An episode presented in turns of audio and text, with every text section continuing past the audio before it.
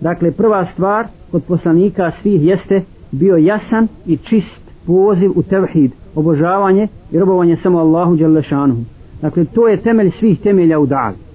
Zašto ga spominjemo prvu zbog toga što danas vidimo da ima i takvih pokušaja izjednačavanja vjera nekakvog dijaloga koji nije primjeren islamskom načinu razgovaranja i vođenja dijaloga sa pripadnicima drugih vjera posebno sa kitabijama. Allah Đelešana na mnogim mjestima govori u Kur'anu o tome da je poslanike slao s tim pozivom, dakle pozivom u tevhid pa kaže وَلَكَدْ بَعَثْنَا فِي كُلِّ أُمَّةٍ رَسُولًا أَنِ يَعْبُدُ اللَّهَ وَجْتَنِبُ الطَّاغُوتِ Mi smo svakom narodu poslali poslanika koji im je govorio jasno Allaha samo obožavajte, dakle njemu i bade činite, a ostavite se taguta. A znamo šta su taguti. Sve ono što odvodi od Allaha, sve što se obožava, na što se oslanja karu svjetova. Znači, kome ovo nije temeljna stvar, temeljna stvar u njegovom pozivu, u njegovoj davi, taj je skrenuo sa puta poslaničke davi. Dakle, taj nije na jasnoj stazi. I mi danas vidimo da očito neprijateljstvo i borbu protiv tevhida. Borbu protiv tevhida kroz razne vidove. Jedan od tih vidova, braćo i sestre, jesu i novotarije. Novotarije koje su uveliko uzele maha.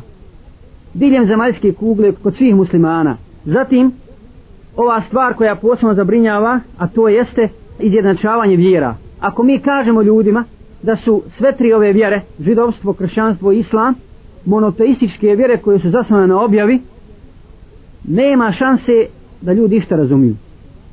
Nema šanse da ljudi išta razumiju. Dakle, kako će se uspjeti u davi kad se stvari pomiješaju i kad se naglavačke okrenu. Ko će danas donijeti dokaz da je današnje kršćanstvo i današnje židovstvo zatemeljeno na objav. Naprotiv, donijećeš milion dokaza da to nije tako. Mene čovjek pita, običan insan, musliman, koji tek toliko malo se druži s Kur'anom, uglavnom na namazu je, kaže, brate dragi, hoće li židovi kršćani ući u džennet? Neće rekao osim ako budu sjedili poslanika sallallahu alaihi wa sallam. Jer on poslan svi svjetoma.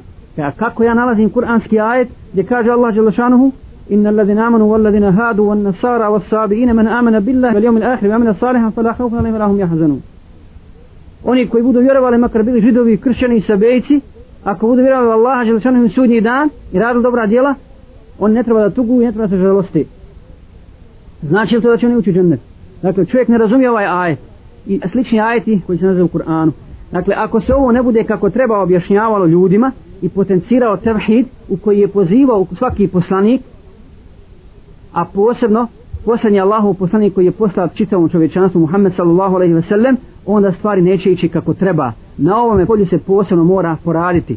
Ne kažemo sad da treba preko koljena stvari odrađivati kako ćemo vidjeti kasnije nego sam želio dakle da stalno imamo ovo na umu. Ne smijemo dozvoliti da nam šeitan zavede s te strane.